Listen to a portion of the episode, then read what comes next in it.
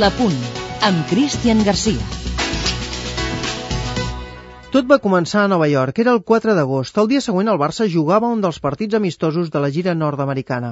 El club no tenia massa clar si després de fer fora Ronaldinho i Deco també era oportú traspassar Eto.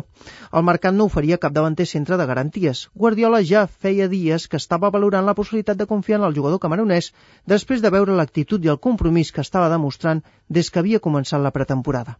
L'entrenador va parlar amb Eto. La conversa va ser molt cordial. Guardiola va detectar que el jugador tenia ganes de quedar-se, que estava disposat a donar-ho tot per tornar a triomfar amb el Barça.